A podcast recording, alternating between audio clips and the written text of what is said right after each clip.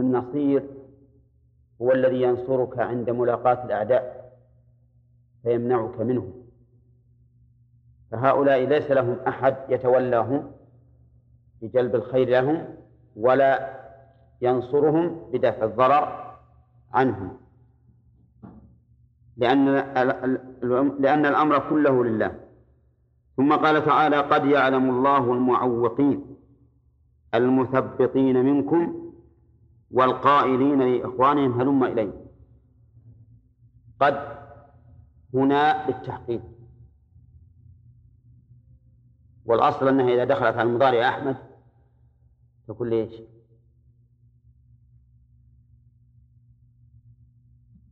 هنا وش اي نعم.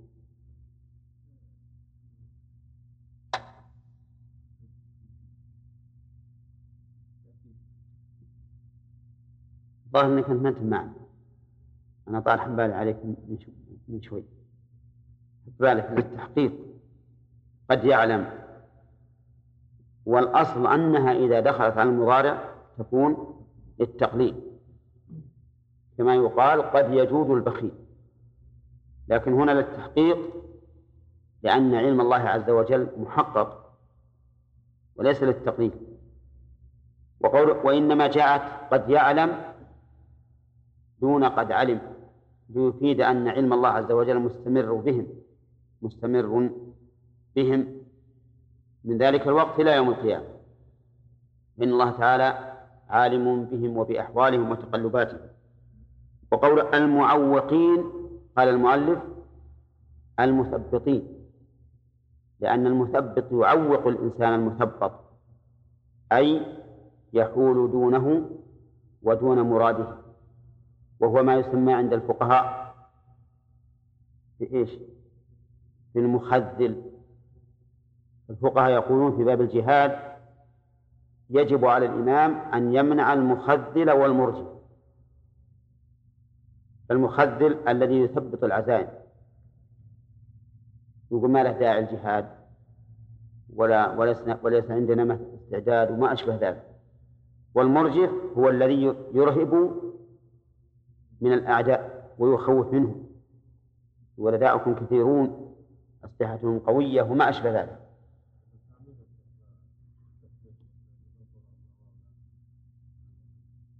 إيش؟ بالمعوق يعني؟ ما في معنى هذا هذا التعبير بالمعنى. نعم. ما في شك إنه أحسن لكن هم لاجل التفصيل لأن المعوق قد لا يفهمه كل واحد.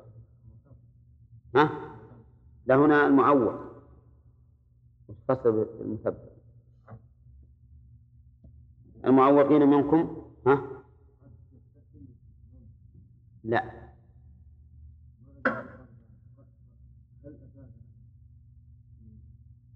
لعلك تريد أن هل تأتي للتحقيق. هذا هذا صحيح. يقول تعالى المعوقين منكم الخطاب لمن؟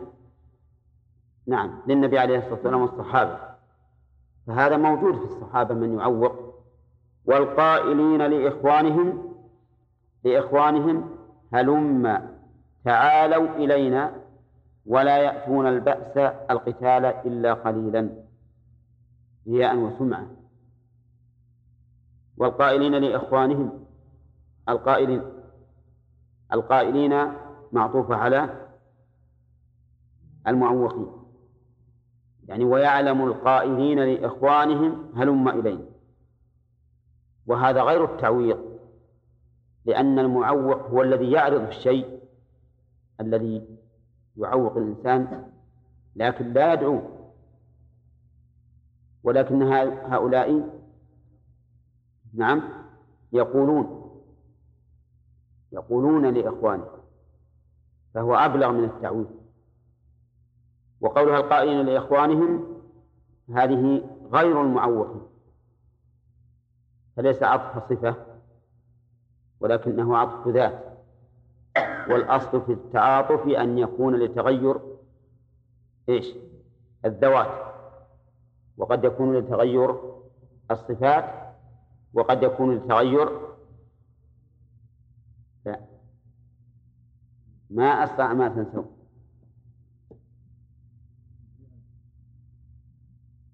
لا.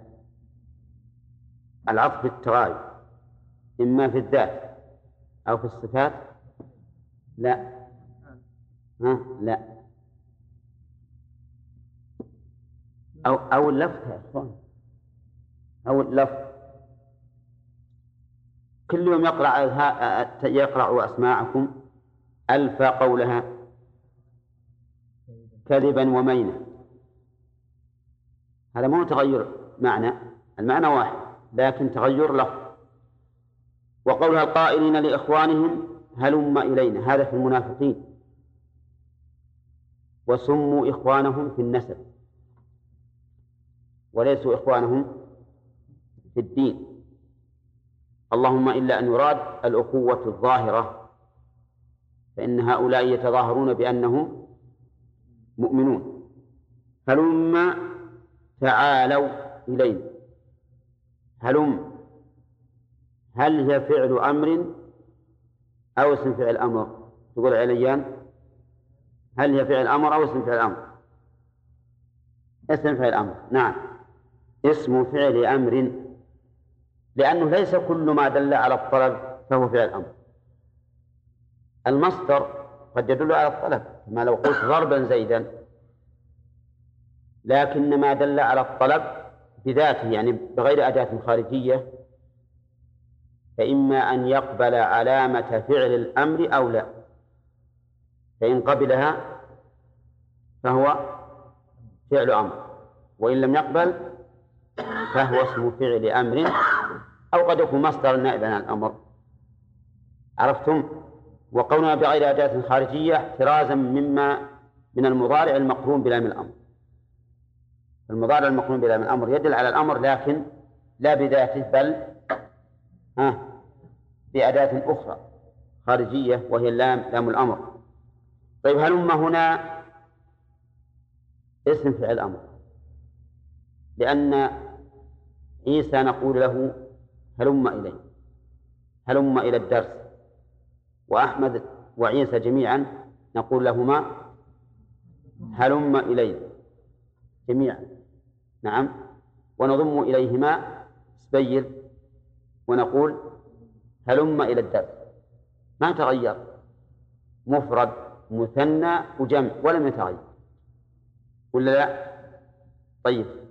أما لو كنا نخاطب واحدا فنقول هلم إلينا. ونخاطب اثنين فنقول هلما إلينا. ونخاطب ثلاثة ونقول هلموا إلينا. هلموا إلينا. لكان ها؟ لكان فعل أمر. لكان فعل أمر. ولهذا نقول قم وقوما ها؟ وقوموا فهي إذن اسم فعل أمر تخاطب بها الواحد والاثنين والجماعة ولا تتغير. هذا على لغة أهل الحجاز. أما بنو تميم فإنها عندهم فعل أمر. ولهذا يقولون للواحد هلم إلينا. وللاثنين هلما إلينا وللجماعة هلموا إلينا. فيا في الأمر. نعم. هنا يدلنا على أنها اسم فعل أمر لأنها لو كانت فعل أمر لقال هلموا إلينا. هلم إلينا يعني تعالوا هذا بالنسبة لغيرهم يدعون غيرهم إلى ترك القتال. تعال هم قال ولا يأتون البأس إلا قليلا. لا يأتون البأس يعني القتال إلا قليلا. والقليل هنا قد يكون المراد به العدم وقد يكون المراد به الشيء اليسير القلة. ويمكن أن يراد به العدم بالنسبة لقوم والقلة بالنسبة لآخرين من المنافقين. لأن من المنافقين من لا يحضر القتال أصلا ومنهم من يحضر قليلا للرياء والسمعة. ومعلوم أن من يلاحظ الرياء والسمعة فإنه إذا كان في محل يجد الرياء والسمعة حضر وإذا كان في محل لا يجد رياء ولا سمعة لم يحضر. ما الفرق بين الرياء والسمعة؟ الرياء يعود إلى الأفعال والسمعة يعود إلى الأقوال. لأن لأن الأفعال ترى. والأقوال تسمع. ولهذا جاء في الحديث من رأى رأى الله به ومن سمع سمع الله به. فإذا تكلم شخص بذكر ورفع صوته ليسمع فيثنى عليه به. فبماذا نصف فعله؟ سمع. وإذا قام يصلي ليراه الناس فهو رياء نعم. وقد يطلق الرياء عليهما جميعا لكن عندما يجتمعان يكون الرياء فيه يتعلق بالأفعال والسمعة بالأقوال. يقول رياء وسمعة أشحة عليكم بالمعاونة جمع شحيح وهو حال من ضمير يأتون. ولا يأتون البأس إلا قليلا. أشحة عليكم أشحة هذه جمع جمع شحيح. والشحيح هو المانع مع الحرص. والبخيل هو المانع بدون حرص. فإذا كان الإنسان منوعا جموعا. منوعا جموعا يعني مع الحرص يسمى ذلك يسمى شحيحا. وإذا كان بخيلا لكنه ليس ذاك الرجل الذي يكون حريصا على جمع المال مثلا فإنه يسمى بخيلا. ولهذا قال النبي عليه الصلاة والسلام محذرا من الشح اتقوا الشح فإنه أهلك من كان قبلكم. طيب يقول أشحة عليكم ما الذي نصبها؟ حال منين نصبت على الحال من فاعل يأتون يعني لا يأتون إلا قليلا ومع ذلك يأتون أشحة عليكم يعني وهم أشحاء عليكم لا يريدون أن تصلوا إلى خير بل يحبون أن يمنعوا كل خير عنكم. فإذا جاء الخوف فإذا جاء الخوف رأيتهم ينظرون إليك. جاء الخوف الخوف ليس ذات تأتي لكنه معنى يأتي. والمجيء يكون للمعاني ويكون للذوات. فتقول جاءه المرض وتقول جاء زيد.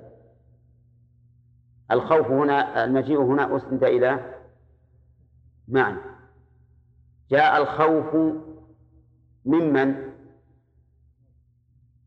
هو عام.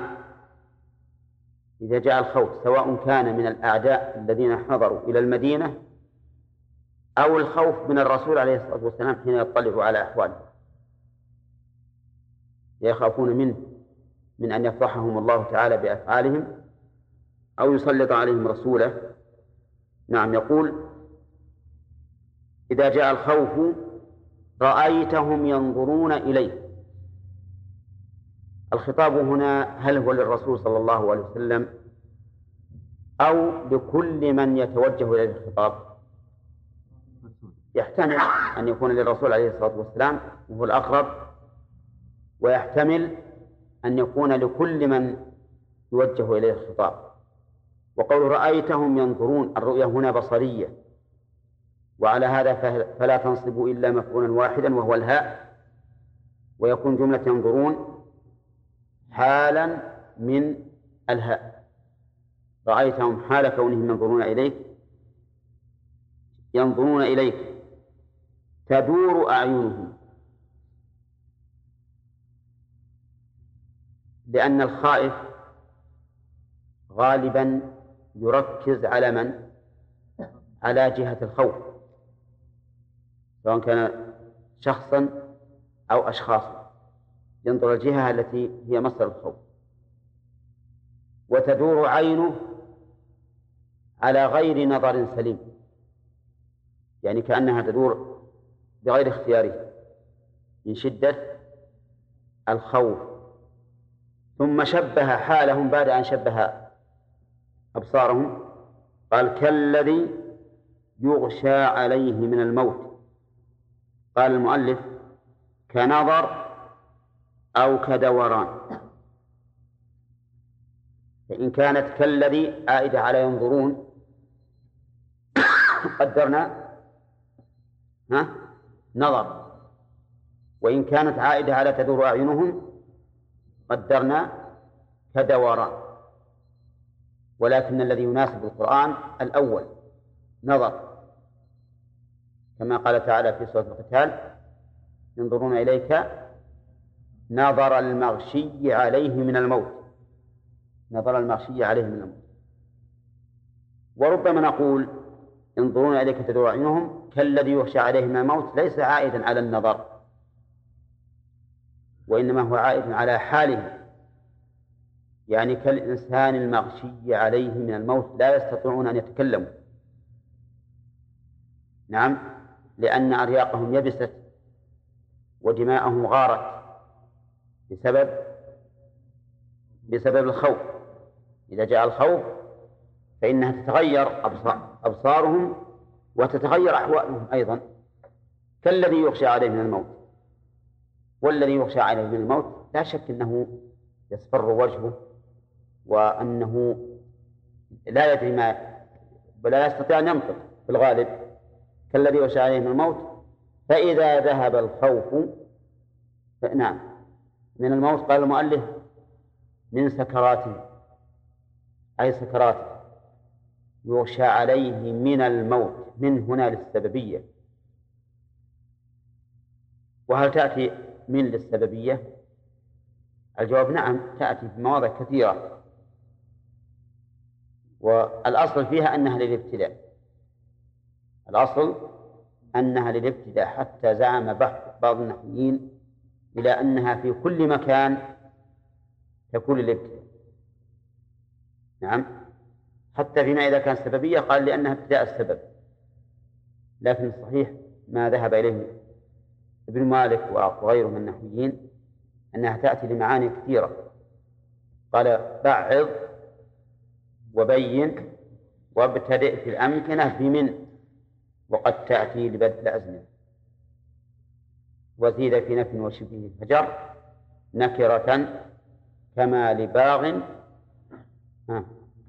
من مفر. نعم. قال من الموت فإذا ذهب الخوف وحيزت الغنائم سلقوكم آذوكم أو ضربوكم بألسنة حداد أشحة على الخير أي الغنيمة يطلبونها أولئك لم يؤمنوا حقيقة فأحبط الله أعمالهم. إذا ذهب الخوف صار هؤلاء الذين كانوا حين الخوف كالمغشي عليهم الموت صاروا ينطقون بطلاقة. سلقوكم يعني أصابوكم بشدة. بألسنة حداد أي شديدة قوية. والمراد بالألسنة هنا الكلام. لأن الكلام يطلق أو لأن الكلام يعبر عنه باللسان. المعنى أنهم يجادلون ويناظرون ويقول نحن معكم نحن نساعد نحن خرجنا وما أشبه ذلك. نعم؟ كما قال الله تعالى في سورة النساء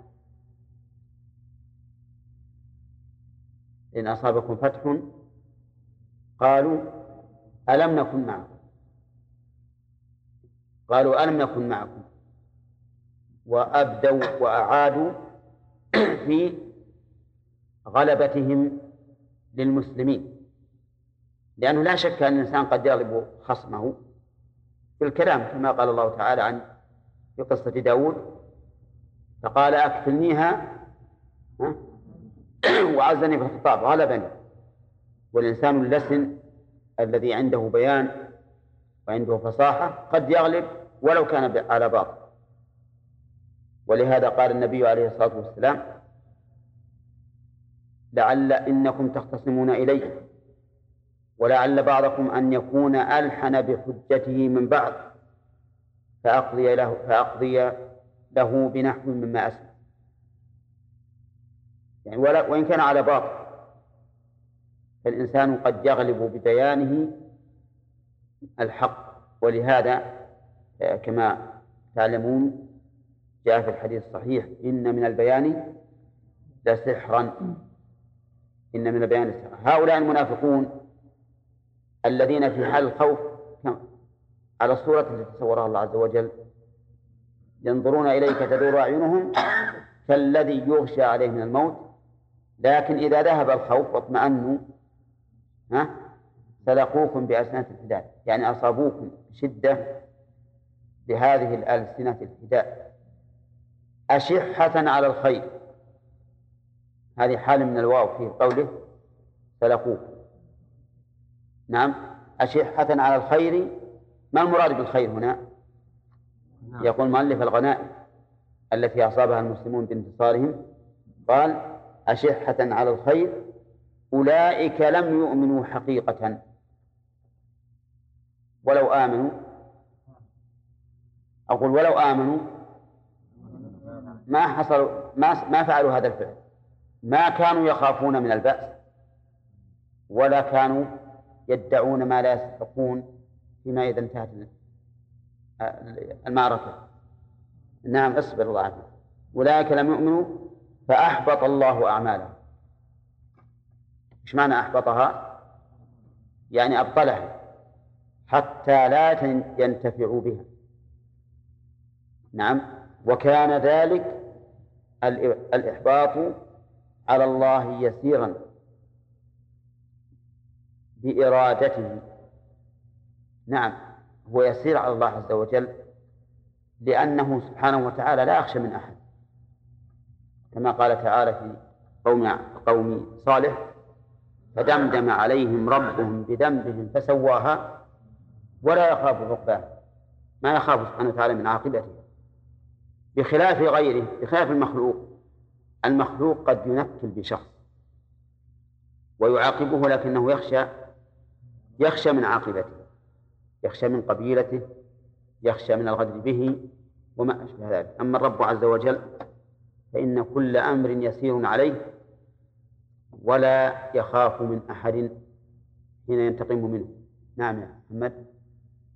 لها معنيان تارة تكون بمعنى أحضر وتارة تكون بمعنى أحضر. في هذه الآية بمعنى قل لا ينفعكم هذا مبتدأ الفوائد. ها؟ مؤكدون. ها؟ قوله تعالى قل من ذا الذي يعصمكم من الله إن أراد بكم سوءا أو أراد بكم رحمة ولا يجدون إلى آخره. يستفاد من هذه الآية الكريمة نفاذ نفاذ حكم الله أن حكم الله نافذ في الخلق لا يمنعه أحد. وجه ذلك قل من ذا الذي يعصمكم من الله. والاستفهام هنا كما سبق مع النفي. ومن فوائدها إثبات الإرادة لله سبحانه وتعالى. لقوله أو أراد بكم سوءا. إن أراد بكم سوءا. ومن أثبات ومن فوائدها الرد على بعض طوائف القدرية الذين يقولون إن الله لا يريد السوء. يريد الخير لكن لا يريد السوء. لقوله أو أراد بكم سوءا. وفي الآية إشكال وهو أن ظاهرها أن الله يريد السوء مع أن النبي عليه الصلاة والسلام يقول والشر ليس إليك.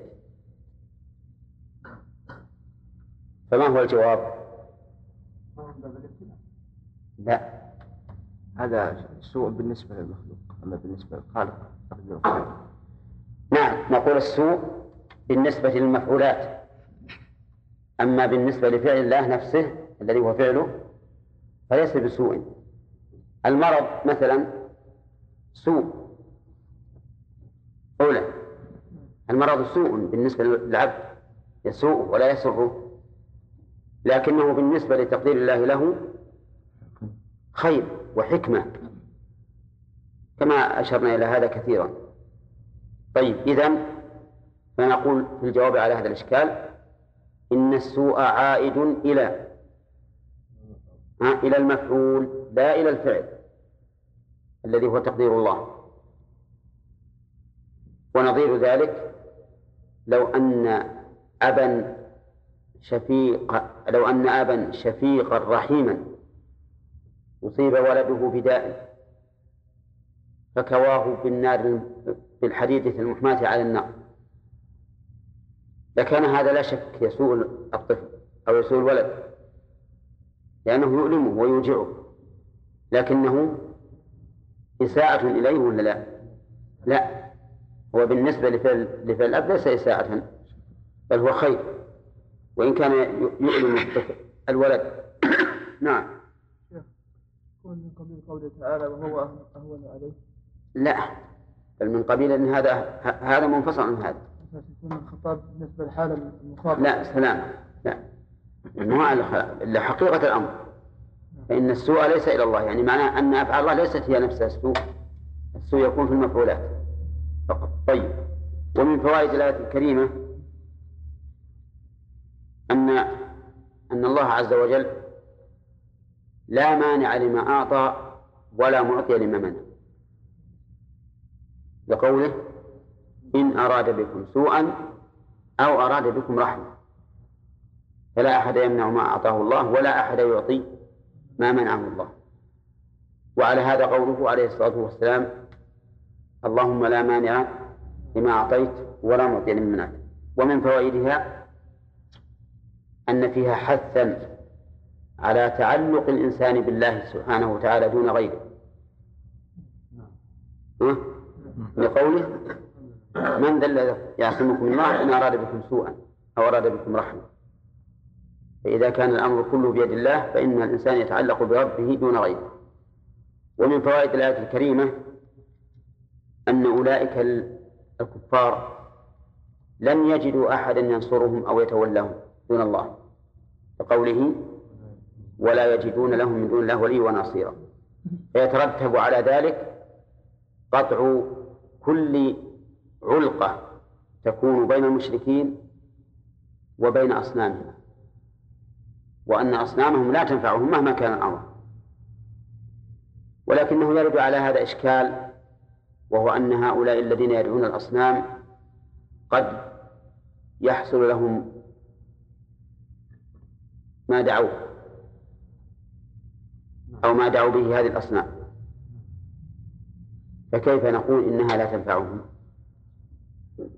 فالجواب أن هذا قد يقع ابتلاء وامتحانا من الله عز وجل. ونحن نعلم أن هذا لم يحصل بهذه الأصنام أو بدعاء هذه الأصنام وإنما حصل عنده. وما حصل عند الشيء ليس كالذي حصل بالشيء. واضح؟ فإن قلت نحن لا نقبل منك هذا. أنه, أنه حصل لا بدعائه. ما دام الرجل دعا ثم حصل مراده كيف تقول إنه من أمر خارج؟ ليس من الدعاء من دعائه. فما هو الجواب؟ مقدر ما يخالف. ما نعلم عن يكون مقدر. هذا رجل دعا هذا القبر وحصل ما ما أراد. هذا الدعاء عند القبر حرم شرعا. لا دعا القبر ما هو عند القبر. دعا صاحب القبر. حرم شرعا ولا يحصل منها هو يقول لك حصل. يقول لك حصل.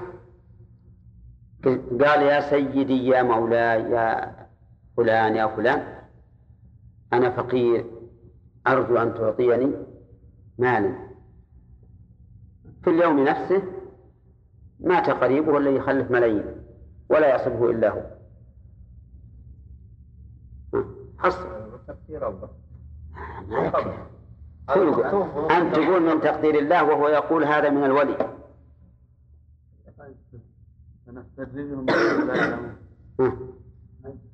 يقول من قال لك الاستدراج؟ لأن من باب البلوى إي نعم هو ابتلاء يا أخوان. ولكن ما ما ما حصلنا حصيل طيب فتنة بهؤلاء. هو فتنة وامتحان. وحنا قلنا له هذه فتنة. ودعاؤك لم ي... لم تحصل منه شيئا. لكن هذا حصل عند دعائك لا بدعائك. فقال تبا لكم ما أنتم لا تعرفون قدر الأولياء؟ وأنا دعوت وحصل لي مرادي ها؟ طيب تجيه مرة واحدة ما تجي كلها. إيه؟ يقول ما لي حاجة. وربما نتحدى ونقول ادعو مرة أخرى فياتي القدر. نعم. موافقا. هم من أن نطيح ببلش. يقول هذا يعني ليس يعني بيده حول ولا قوة. لو, كان منع الموت عن نفسه. إيه. كل هذه علل علينا. طيب يا إخواني إحنا قلنا لكم الله عز وجل قطع كل تعلق بغيره ومن أضل ممن يدعو من دون الله من لا يستجيب له إلى يوم القيامة. إحنا نعلم بالآية الكريمة إن هذا ما يستجيب لك إلى يوم القيامة. وقال إن تدعوهم لا يسمعوا دعاء ولو سمعوا ما استجابوا لكم. ويوم القيامة يكفرون بالشرك وقال تعالى قل ادعوا الذين زعمتم من دون الله لا يملكون مثقال ذرة في السماوات ولا في الأرض وما لهم فيها من شرك وما لهم منهم من ظهير ولا تنفع الشفاعة عنده إلا لمن أذن هذه آيات واضحة جدا أنه ما يمكن يستجيب. إذا لم يكن أن يستجيب إذا لم يمكن أن يستجيب له فنعلم علم اليقين أن هذا الذي حصل ليس بدعاء ها هذا الولي. نعم لأن الله نفى أن يستجيب له. طيب. وثم قال تعالى؟ يعني إنه عنده في وقت الدعاء فقط. في وقت الدعاء وليس بالدعاء.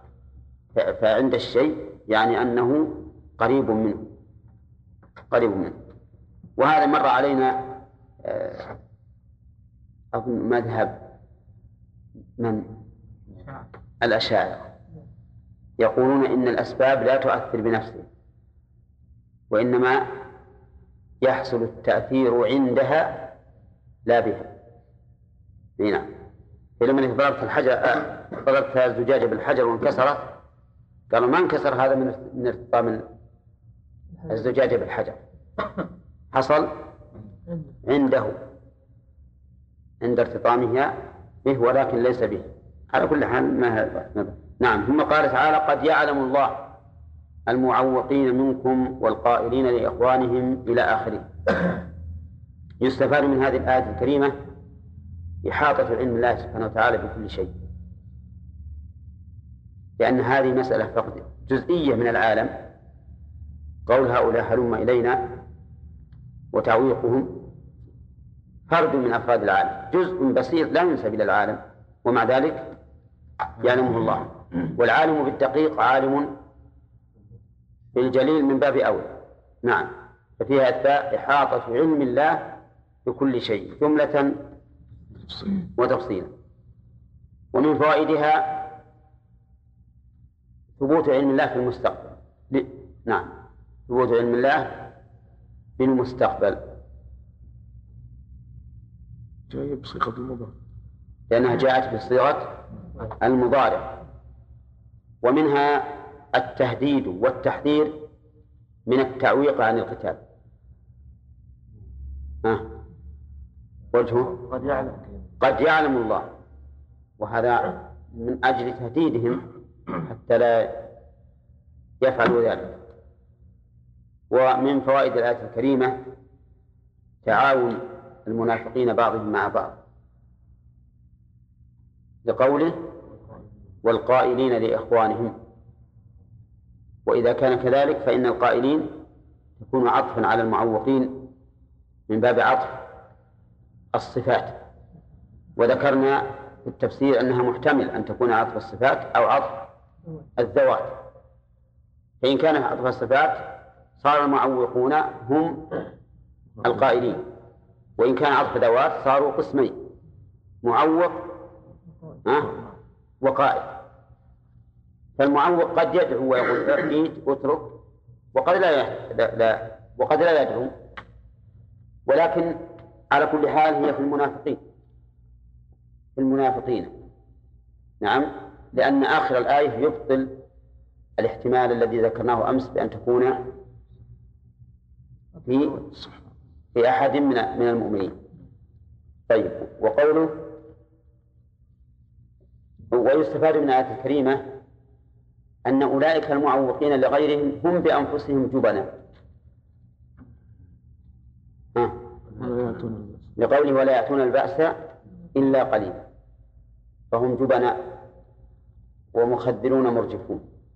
ومن فوائد الآية الكريمة أيضا أن كل إنسان يصاحب غيره وي- ويمتزج به. لقوله والقائلين لإخوانهم. فإن هذه أخوة في الشر والنفاق وليست في الإيمان. ثم قال تعالى شحة عليكم فإذا جاء الخوف رأيتهم ينظرون إلى آخره في هذا في هذه الآية دليل على بخل المنافقين بما ينفع المؤمنين. وأنهم لا يأتونه إلا عن كراهية كالشحيح في بذل المال كقوله أشحة عليكم. طيب ومنها جبن المنافقين وأنهم في غاية الجبن. لقوله فإذا جاء الخوف رأيتهم ينظرون إليك إلى آخره. وبهذا نعرف أنهم أحق الناس بما وصفوا به النبي صلى الله عليه وسلم وأصحابه حيث قالوا ما رأينا مثل قرائنا هؤلاء أرغب بطونا ولا أكتب ألسنا ولا أعجبنا عند اللقاء. فنقول إن هذا الوصف هذه الأوصاف أنتم أحق الناس بها. نعم. ومن فوائد الآية الكريمة شدة فزع المنافقين عند الخوف لأن تصويرهم بهذه الصورة يدل على الفزع العظيم. الذي ينالهم عند الخوف. ومن فوائد الآية الكريمة أيضا شدة محبة المنافقين للحياة. لأنهم إنما بلغوا هذا المبلغ بالخوف حرصا على الحياة وخوفا من الموت بالقتال. ومن فوائد الآية الكريمة قوة تصوير القرآن للأحوال الواقعة. لأن هذه الصورة التي ذكر الله صورة مدهشة. تجعل الإنسان يتخيل شدة فزعهم كأنها رأ- رأي عين. نعم. ومن فوائد الآية الكريمة أن للموت سكرات. لقوله كالذي يغشى عليه من الموت. وهذا بالنسبة للموت العادي. أما الموت المباغت فقد قد لا يكون فيه سكرات قد يموت الإنسان باغتة كالذي يحصل بالحوادث وسكتات القلوب وما أشبهها. ومن فوائد الآية الكريمة أن هؤلاء الجبناء المنافقين إذا ذهب الخوف على أنهم حين الخوف كالأموات أو كالذي يسأل من الموت. إذا ذهب صاروا أبطال الكلام وأمراء الفصاحة والتسلط لقوله فإذا, فإذا ذهب الخوف سلقوه. فما يجي كلامه. إذا راح الخوف بدأوا يتكلمون. نعم. ومن فوائدها شدة المنافقين على المؤمنين. وأنهم عليهم أشداء غلاظ. لقوله سلقوكم بألسنة حداد. نعم. ومن فوائدها أن المنافقين كما قال الشاعر أسد علي وفي الحروب نعامة. على المؤمنين أسود. بالباطل طبعا هو بالحق. وع- وعند الكفار ها؟ نعم. تعرفون النعامة من جبنها آه. إذا رأت الصياد قالت هذا بيقتلني. ولكن بدخل راسه بالتراب عشان ما أشوف. أي نعم. طيب و ومن فوائد الآية الكريمة علم الله سبحانه وتعالى بما في القلوب. لا أولئك لم يؤمنوا لأن الظاهر لنا أنهم مؤمنون لكنهم في الواقع غير مؤمنين. ومن فوائد الآية الكريمة التحذير من هذه الصفات التي يتصف بها المنافق حتى وإن كان الإنسان مؤمنا. لماذا؟ لأنها صفات غير المؤمنين. لقوله أولئك لم يؤمنوا. والمؤمن منهي عن الاتصاف بصفات غير المؤمنين. طيب. ومن فوائد الآية الكريمة أن الكفر محبط للعمل سواء كان ظاهرا أم باطنا. لقوله فأحبط الله أعمالهم. فأحبط الله أعمالهم وفي هذا في الآية هذه أو في الجملة من هذه الآية إشكال. لأن الإحباط فرع عن قيام الشيء. وهم منافقون أعمالهم باطلة من الأصل. فكيف نجيب عن هذا؟ الجواب أن يقال إن الإحباط نوعان. إحباط ما تم وإحباط ما لم يتم. فإحباط ما تم ظاهر. إذا تم الشيء فأحبط وألغي وإحباط ما لم يتم أن يكون من الأصل. من الأصل حابطا. ومنه قول بعض الفقهاء إذا لم يكبر تكبيرة الإحرام بطلت صلاته. فنحن نقول هنا ما صلى حتى تكبر. لكن هذا بطلان ما لم يتم ولم يقم. طيب. أو جواب ثاني. أن نقول أحبط الله أعمالهم إن أعمالهم ظاهرها الصحة أولى لأنها من قوم يدعون الإسلام ويفعلونها على ظاهر الشرع لكنها في الواقع باطلة لعدم الأساس. ومن فوائد الآية الكريمة أهمية الإخلاص لله عز وجل. لقوله أولئك لم يؤمنوا فأحبط. فجعل الإحباط فرعا عن عدم الإيمان. وهذا يدل على أن الركيزة الأصلية للأعمال هي الإيمان. هل يؤخذ من الآية الكريمة أن الأعمال تزداد قوة بقوة الإيمان. وفضلا كيف ذلك؟ لأنه لما حبط العمل لعدم الإيمان دل هذا على أنه يقوى بقوة الإيمان. ولهذا قال النبي عليه الصلاة والسلام في الصحابة لو أنفق أحدكم مثل أحد ذهبا ما بلغ مد أحدهم ولا نصيبه هو العمل واحد الآن. لكن العامل مختلف.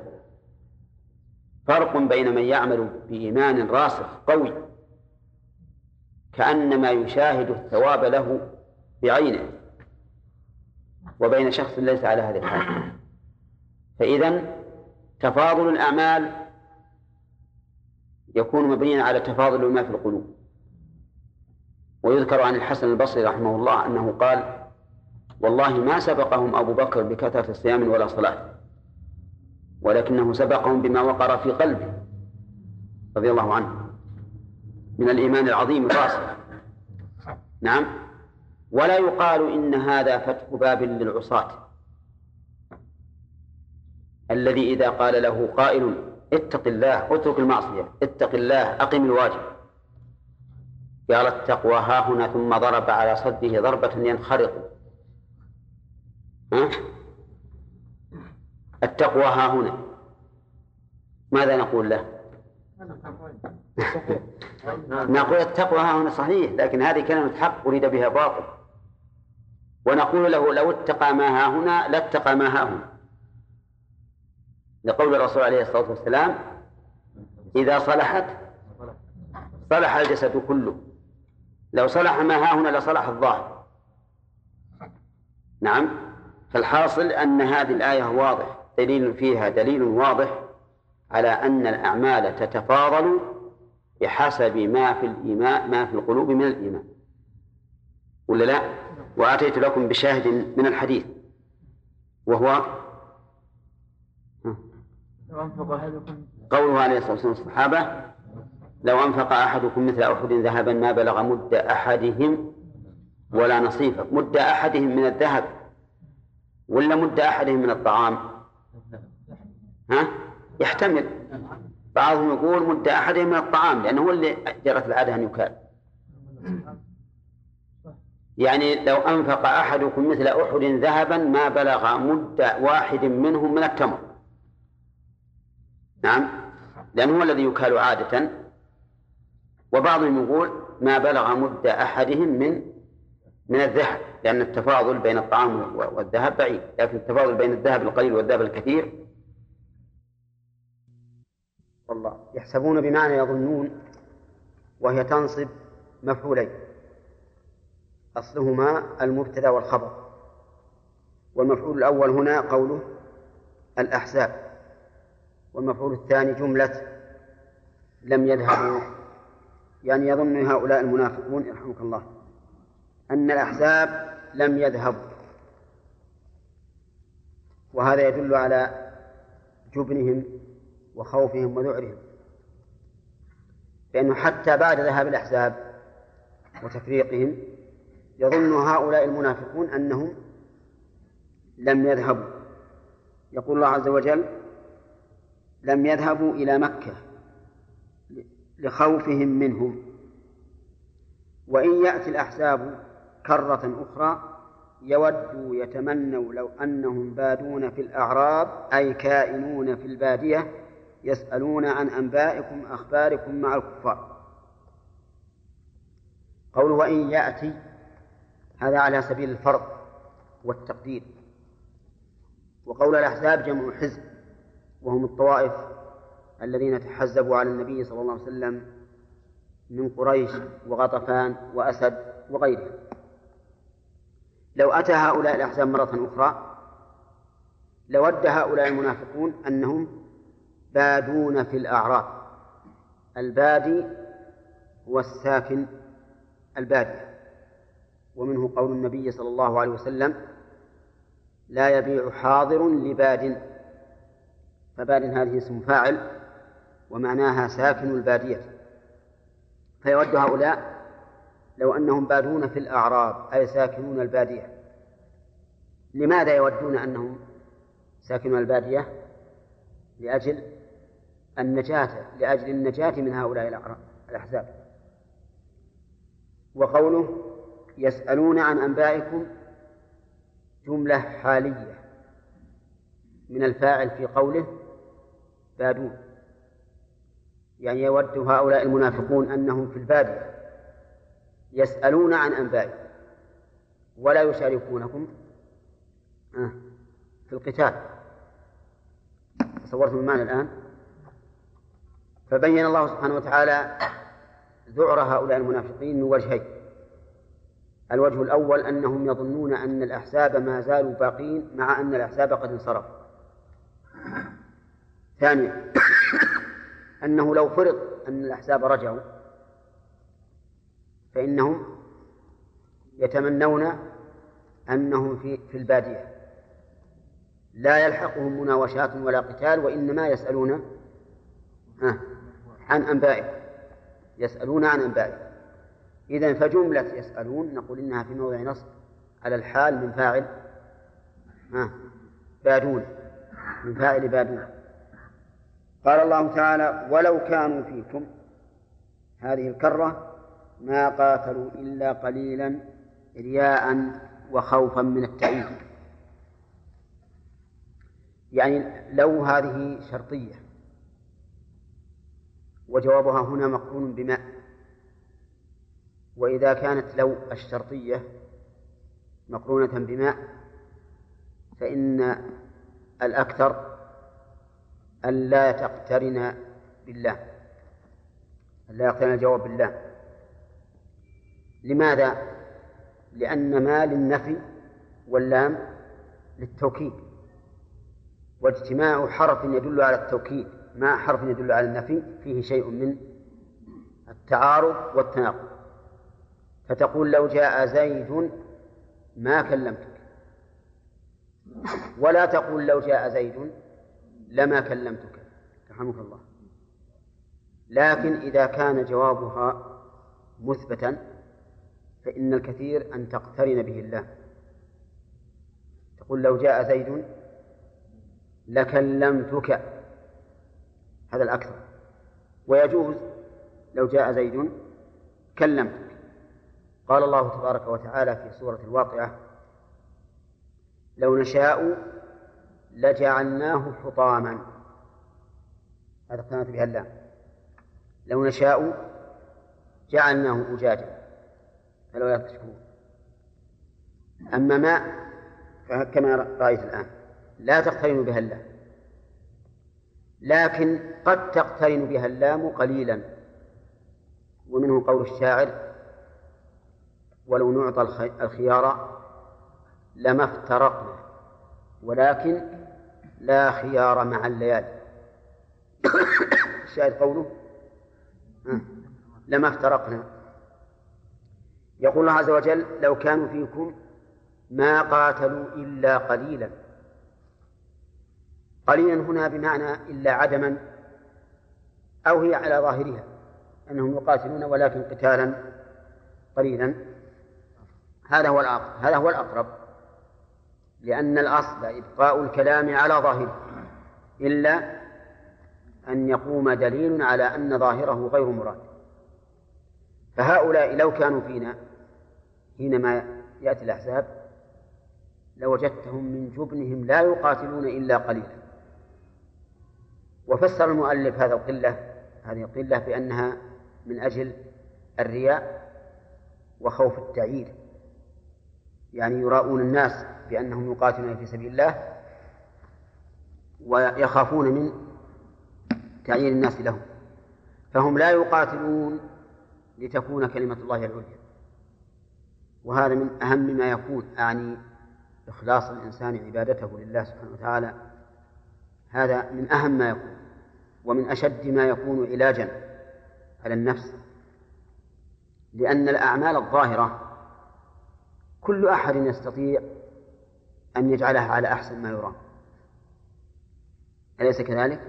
كل أحد يستطيع أنه يقوم ويصلي بقراءة متأنية وبركوع متأنن وبسجود متأنن وبقيام متأنن وبقعود متأنن لكن إصلاح القلب هو الصعب هو الصعب ولهذا كان صلاح القلب موجبا لصلاح البدن ولا عكس.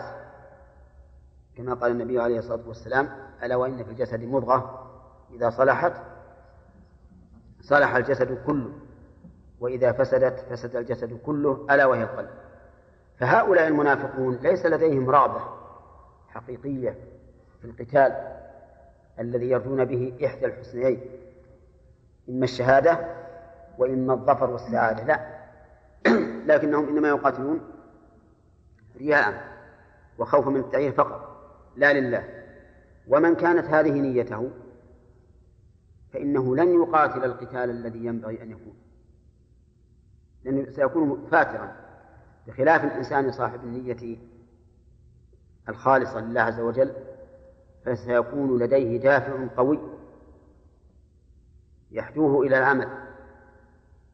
بما يرى أنه من طاعة الله سبحانه وتعالى.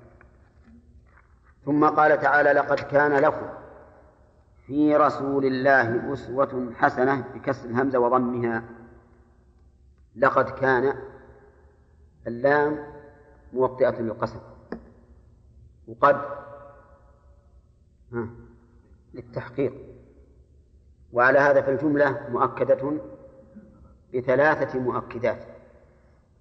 وهي القسم المقدر واللام. بعد.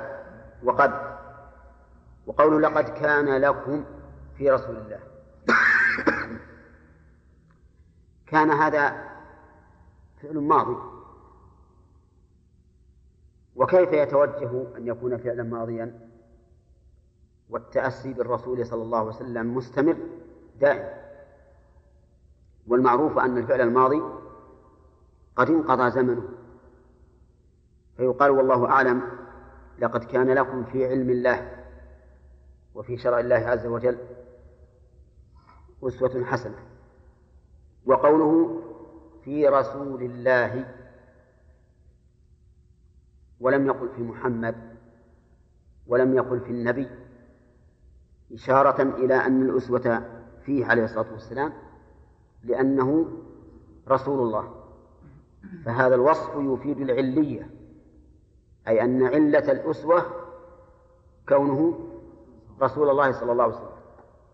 وإلا ما كان لنا أو ما كان علينا أن نتأسى به لأنه رجل من الناس.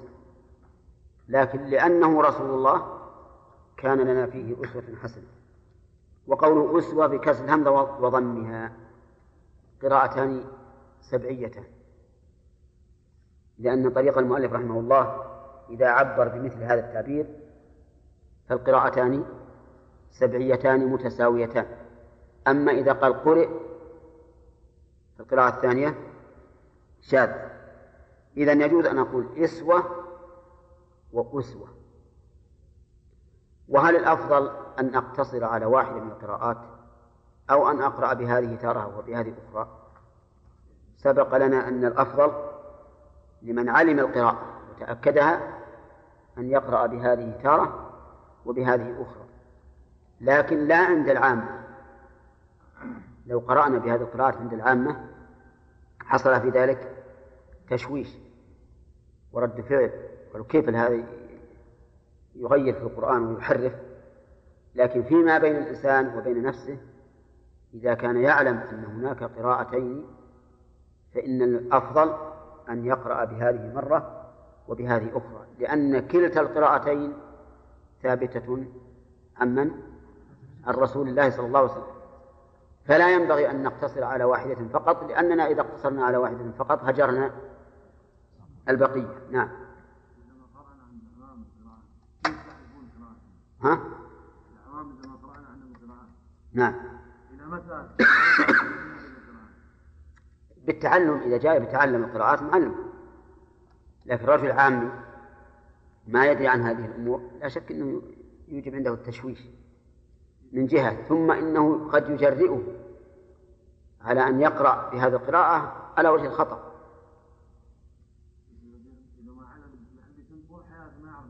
أي نعم ما, ما وليكن ما يضر. لأنه بالإجماع الاقتصار على واحدة جائز. ما هو على سبيل الوجوب. فإذا كان فعل القراءة الثانية إذا كانت يحصل بها مفسدة فلا حرج من عدم قراءتها. نعم. نعم. لا ما يزول من جهة التعبير بالماضي ما يزول. هو الإشكال التعبير بالماضي. نعم. وقول أسوة حسنة قال المؤلف اقتداء به. في القتال والثبات في مواطنه. هذا التفسير من المؤلف رحمه الله فيه نظر. وش وجه النظر فيه؟ أنه خصصه بالقتال. والحقيقة أنه أسوة حسنة في كل ما يفعله. كل ما كان من سنته. فإن فإن لنا فيه أسوة حسنة. وقول أسوة حسنة فيها معنى يعني. المعنى الأول أن التأسي بالرسول صلى الله عليه وسلم كله حسن. لأنه عليه الصلاة والسلام معصوم من الخطأ في التشريع. فكل التأسي به فهو حسن. بخلاف التأسي في غيره فقد يكون حسنا وقد يكون غير حسن. المعنى الثاني أسوة حسنة باعتبار تأسينا به لا باعتبار ما هو عليه. والأسوة الحسنة باعتبار تأسينا به هو أن نكون موافقين له في القول والفعل والقصد الذي هو العقيدة. نوافق في هذه الأمور الثلاث في العقيدة والقول والفعل. هذه الأسوة الحسنة. فمن وافقه في قوله دون فعله لم يتأسى به أسوة حسنة. ومن وافقه في فعله دون قوله لم يتأسى به أسوة حسنة. ومن تأسى به في قوله وفعله دون عقيدته وقصده لم يتأسى به أسوة حسنة. ويدخل في الأسوة الحسنة الدعوة إلى دين الله. فإن الرسول عليه الصلاة والسلام لا شك أنه يدعو إلى دين الله. قل هذه سبيلي أدعو إلى الله على بصيرة أنا ومن اتبعني وبهذا نعرف أنه ينبغي لطالب العلم أن يكون حركيا في مجتمعه. لا نسخة كتاب فقط بمعنى أن يكون محركا لضمائر الناس ومشاعرهم وتوجيههم. ويكون لديه عزيمة في إصلاح الخلق. حتى لا يكون مجرد نسخة. إن مجرد نسخة وش الفائدة منه؟ تقول والله أنا حفظت مثلا متن الزاد وحفظت بلوغ المرام وحفظت المنتقى وما أشبه ذلك لكن ما هنا عمل؟ وش الفائدة؟ أو تقول بجلس في بيتي إن جاء أحد يسألني علمت وإلا ما؟ لا. يجب أن نبث الوعي بين المسلمين ولا سيما في هذا الوقت في عصرنا هذا لأن الناس بدأوا يتحركون. سئموا الحياة السابقة وصاروا يتحركون الآن لكن يحتاجون إلى هداية ودلالة يعني قد يتحركون إلى شيء سيء إنما إذا تولى طلبة العلم. الذين وهبهم الله العلم توجيه الناس في هذه الأمور حصل في هذا خير كثير. كما كان نبينا صلى الله عليه وسلم يفعل. فالأسوة الحسنة في الرسول يدخل فيها الدعوة إلى دين الله. يدخل فيها الدعوة إلى دين الله عز وجل. قال لمن كان يرجو الله ولمن صار الحسنة في ذاتها وفي تطبيقها. في ذاتها بمعنى أن التأسي به حسن. ولا يمكن أن يكون عليه الصلاة والسلام شيء من أفعاله غير موصوف بالحسن. وحسنة في تطبيق هذا التأسي العقيدة والقول والفعل القول والفعل. لكن قال لمن كان يرجو الله واليوم الآخر. لمن كان يقول المؤلف بدل من لكم. لقد كان لكم أسوة حسنة لكن لمن كان يرجو الله؟ فهو بدل بعض من كل بإعادة العام. كذا؟ عجيب يا أخوان. بدل بعض من كل بإعادة العامل لكم الخطاب يشمل من يرجو الله اليوم الآخر ومن لا يرجو. ولمن كان يخص من كان يرجو الله واليوم الآخر فهو بدل بعض من كل. وهل هو بدل بعض من كل في الذات أو في المعنى والصفات؟ إذا قلت أكرم القوم بعضهم هذا بدل بعض من كل في في الذات. لكن هنا في الذات ولا في الصفات؟ في الصفات لمن كان يرجو الله واليوم الآخر. وقولنا بإعادة العامل وين العامل الذي يعيد؟ اللام حرف الجر. فإنها موجودة في البدل والمبدل منه. موجودة في المبدل منه في قوله لكم وفي البدل في قوله لمن كان. وقول لمن كان يرجو الله قال المؤلف يخاف الله. ولو ولعل قائلا يقول كيف يفسر الرجاء بالخوف؟ لأن الرجاء هو طلب أو تمني ما كان قريب الحصول. فكيف نفسره بالخوف؟ يقال إن الرجاء يطلق على الخوف ويطلق على الأمل. فالرجاء في المحبوب والخوف في المكروه. ولا يلزم أن يفسر بما فسر به المؤلف لأن المراد بالرجاء الخوف. لأن رجاء الله واليوم الآخر ثابت أيضا الذي هو تمني حصول المطلوب. فإن ما عند الله تعالى من الثواب. لمن تأسوا بالرسول عليه الصلاة والسلام يوجب الرجاء وما في اليوم الآخر أيضا من السعادة يوجب إيش؟ يوجب الرجاء أيضا فالذي يظهر أن المراد بالرجاء هنا معناه الحقيقي الذي هو طلب ما فيه أو أم أن يأمل الإنسان ما فيه مصلحة له وخير له. وقولنا اليوم الآخر ما المراد به؟ المراد به يوم القيامة. وسمي يوما آخر لأنه لا يوم بعده. فإن ذلك اليوم هو آخر مراحل الخلق. لأن للإنسان في هذه الدنيا أربع مراحل. مرحلة في بطن أمه ومرحلة ها في الدنيا. ومرحلة في البرزخ. ومرحلة رابعة يوم القيامة. أربع دول. ما فيه ليل ولا نهار إيه. كله ما فيه ليل ولا نهار لأن الشمس تكور وترمى في النار. وقوله لمن كان يرجو الله واليوم الآخر يقرن الله تعالى دائما الإيمان به باليوم الآخر. كثيرا في القرآن. آمنوا بالله واليوم الآخر. لماذا؟ لأن الإيمان باليوم الآخر يستلزم ها؟ العمل. يستلزم العمل.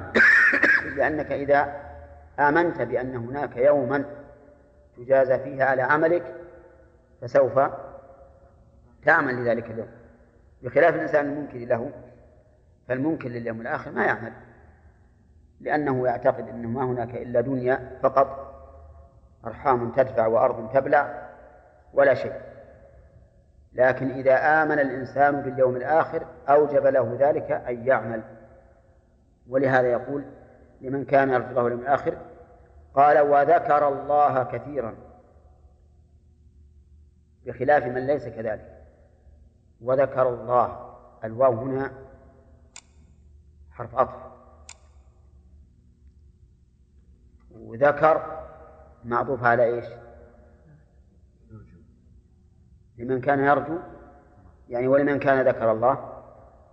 أو معطوفة على كان لمن كان ولمن ذكر. ها؟ على كان. على كان لأن الفعل الماضي يعطف على الفعل الماضي. نعم.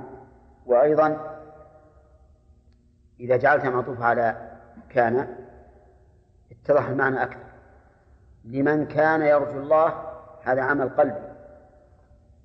وذكر الله عمل جوارح عمل جوارح يكون معطوفة على كان. لمن كان يرجو الله ولما ولمن ذكر الله كثيرا. قوله ذكر الله كثيرا. كثيرا هذه مفعول مطلق.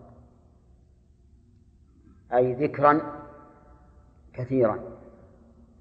وذكر الله عز وجل يكون بالقلب وباللسان وبالجوارح. يكون بالقلب بأن يتفكر الإنسان في آيات الله وفي أسمائه وصفاته هذا ذكر في القلب. ويكون بالجوارح باللسان كالتسبيح والتهليل والتحميد وما أشبه ذلك. ويكون بالجوارح غير اللسان مثل الصلاة. فيها ركوع وسجود وقيام وقعود وهي ذكر. فالذكر إذن يكون في القلب وفي اللسان وفي الجوارح. والإنسان العاقل الحازم المؤمن لا يزال يذكر الله سبحانه وتعالى لأن في كل شيء من مخلوقاته آية تدل على وحدانيته سبحانه وتعالى وعلى حكمته. فأي شيء تشاهد من هذا الكون سيذكرك بالله عز وجل. كذلك بالنسبة لأعمالك إذا كنت حازما فإنك تستطيع أن لا تعمل عملا إلا كان عبادة. الإنسان الحازم يجعل من العادات عبادات والإنسان الغافل يجعل من العبادات عادات. فإذا كان الإنسان حازما فإنه لن يضيع عليه لحظة من عمره. لا بد أن يستغلها في ذكر الله سبحانه وتعالى. هل من ذكر الله الأمر بالمعروف والنهي عن المنكر؟ ها؟ نعم. من ذكر الله. قراءة القرآن من ذكر الله.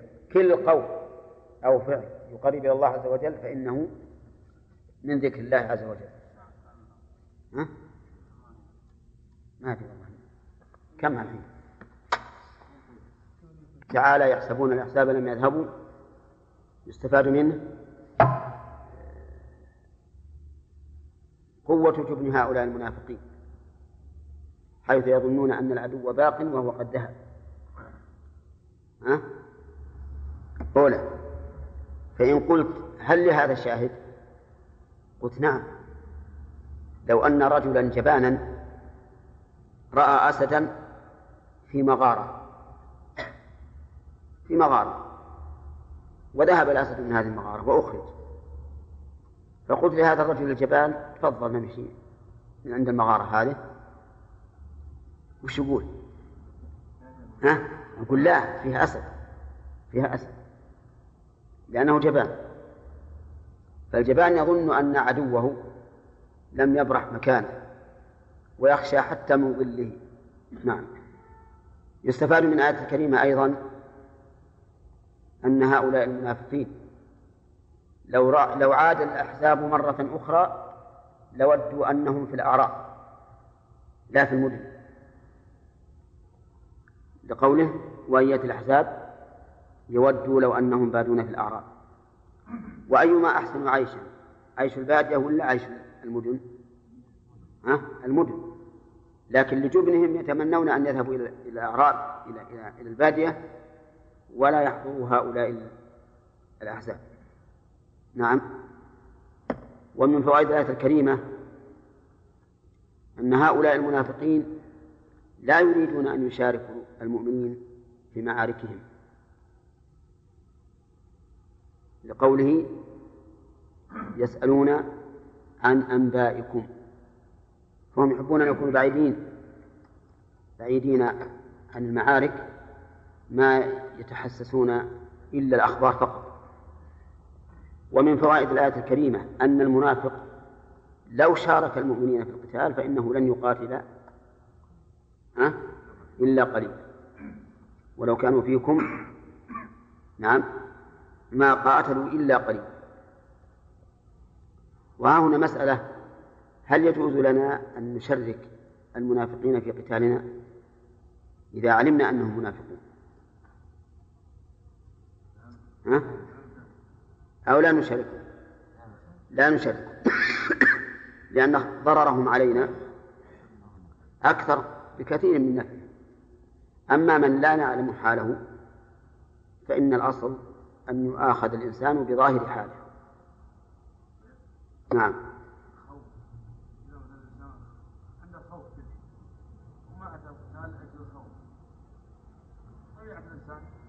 الإنسان يخاف؟ وما اتى القتال مع المؤمنين. نعم. الله أعلم بما في قلبه. لكن في ظني إن ما أحد يخاف إلى هذا الحد.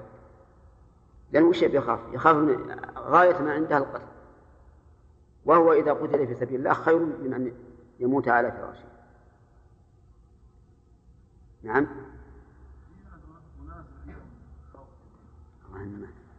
هؤلاء يمكن ألقط لو يتحرك خافوا منه. لا يجب أن الإنسان يتغلب على هذه الأشياء.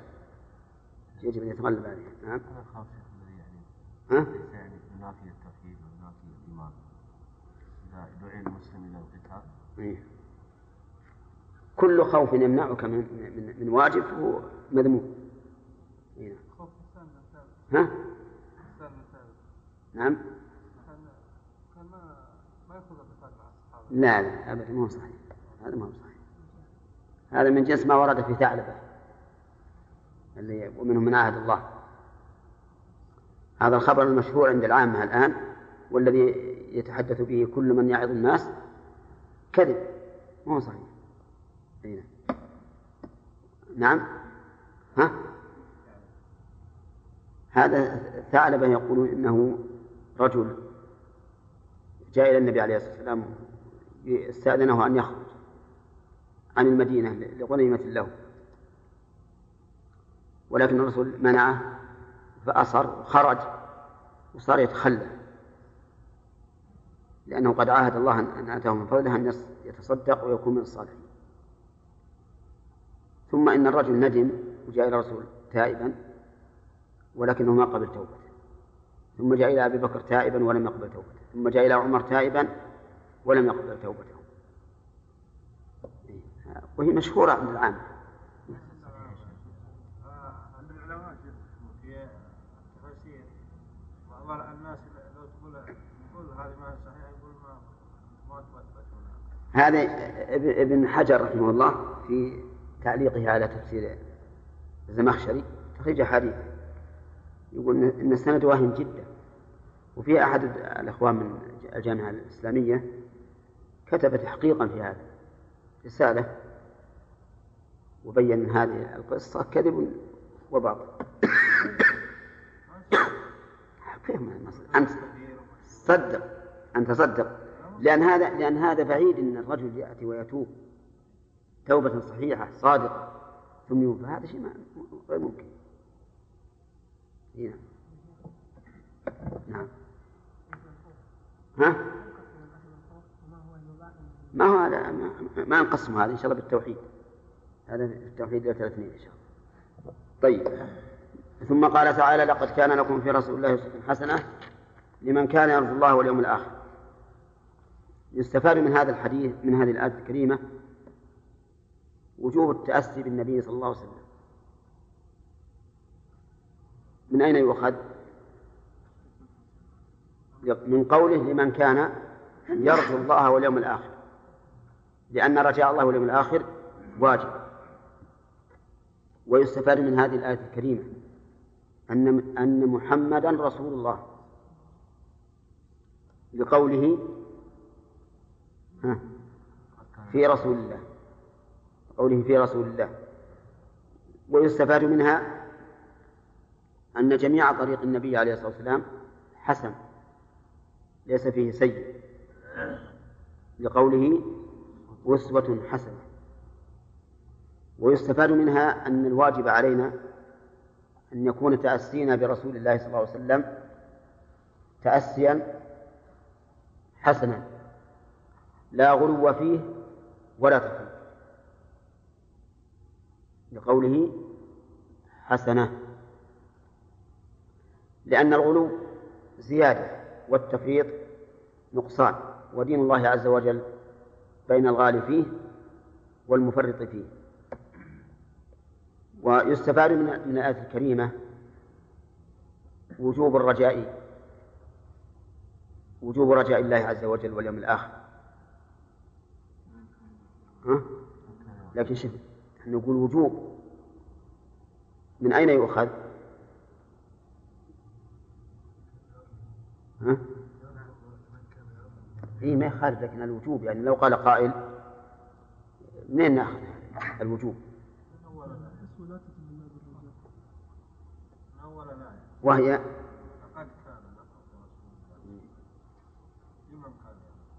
لأنه لأن هذا من تمام الإيمان بالرسول.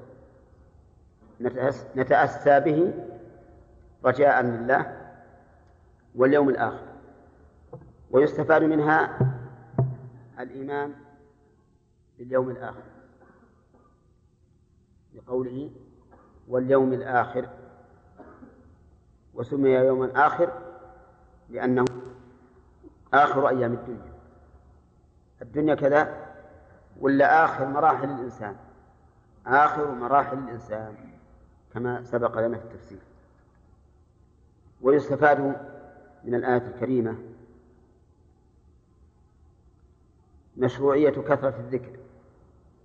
لقوله وذكر الله كثيرا. وقد بين الله تعالى في سورة آل عمران عن أولي الألباب أنهم يذكرون الله قياما وقعودا وعلى جنوب والإنسان إما قائم أو قاعد أو على جنب. وهم يذكرون الله في كل هذه الأحوال. قال الله تعالى ولما مبتدأ درس اليوم ولما رأى المؤمنون الأحزاب قالوا هذا ما وعدنا الله ورسوله من الابتلاء والنصر وصدق الله في الوعد وصدق الله ورسوله في الوعد. وما زادهم ذلك إلا إيمانا تصديقا بوعد الله وتسليما لأمره. لما رأى المؤمنون الأحزاب هذه لما شرطية لكنها لا تجزم وفعل الشرط فيها في الآية؟ رأى. وجوابه؟ قالوا هذا ما وعد الله. وقد مر علينا أن لما تأتي في اللغة العربية على عدة وجوه. منها الشرطية كما في هذه الآية. ومنها الجازمة كما في قوله. بل بل لما يذوقوا عذاب هذه جازمة ومنها أن تكون بمعنى إلا. كما في قوله إن كن إن كل نفس لما عليها حال يعني إلا عليها حال لما رأى المؤمنون الأحزاب والمراد بالأحزاب هنا الأحزاب الذين تألبوا على النبي صلى الله عليه وسلم من قريش وعطفان وبني أسد وغيرهم لما رأوهم رؤية بصرية أو قلبية. بصرية. لما رأوهم قالوا هذا ما وعدنا الله ورسوله. كيف وعدنا الله ورسوله؟ أين الوعد من الله ورسوله؟ بأن هؤلاء الأحزاب سيأتون. قال الله تعالى أم حسبتم أن تدخلوا الجنة ولما يأتكم مثل الذين خلوا من قبلكم مستهم البأساء والضراء وزلزلوا حتى يقول الرسول والذين آمنوا معه متى نصر الله؟ ألا إن نصر الله قريب. فإن الله تعالى بين في هذه الآية أنه ما يمكن يدخل الجنة إلا بعد هذه الأمور. فيكون متضمنا لوعد الله سبحانه وتعالى لهم أن يروا مثل هذه الأشياء التي تزلزلهم. يقول هذا ما وعدنا الله ورسوله. وهذا دليل على ثباتهم وإيمانهم وصدق نواياهم. لكن الكفار تقدم لنا أن المنافقون تقدم أنهم كانوا يهزؤون بالرسول عليه الصلاة والسلام.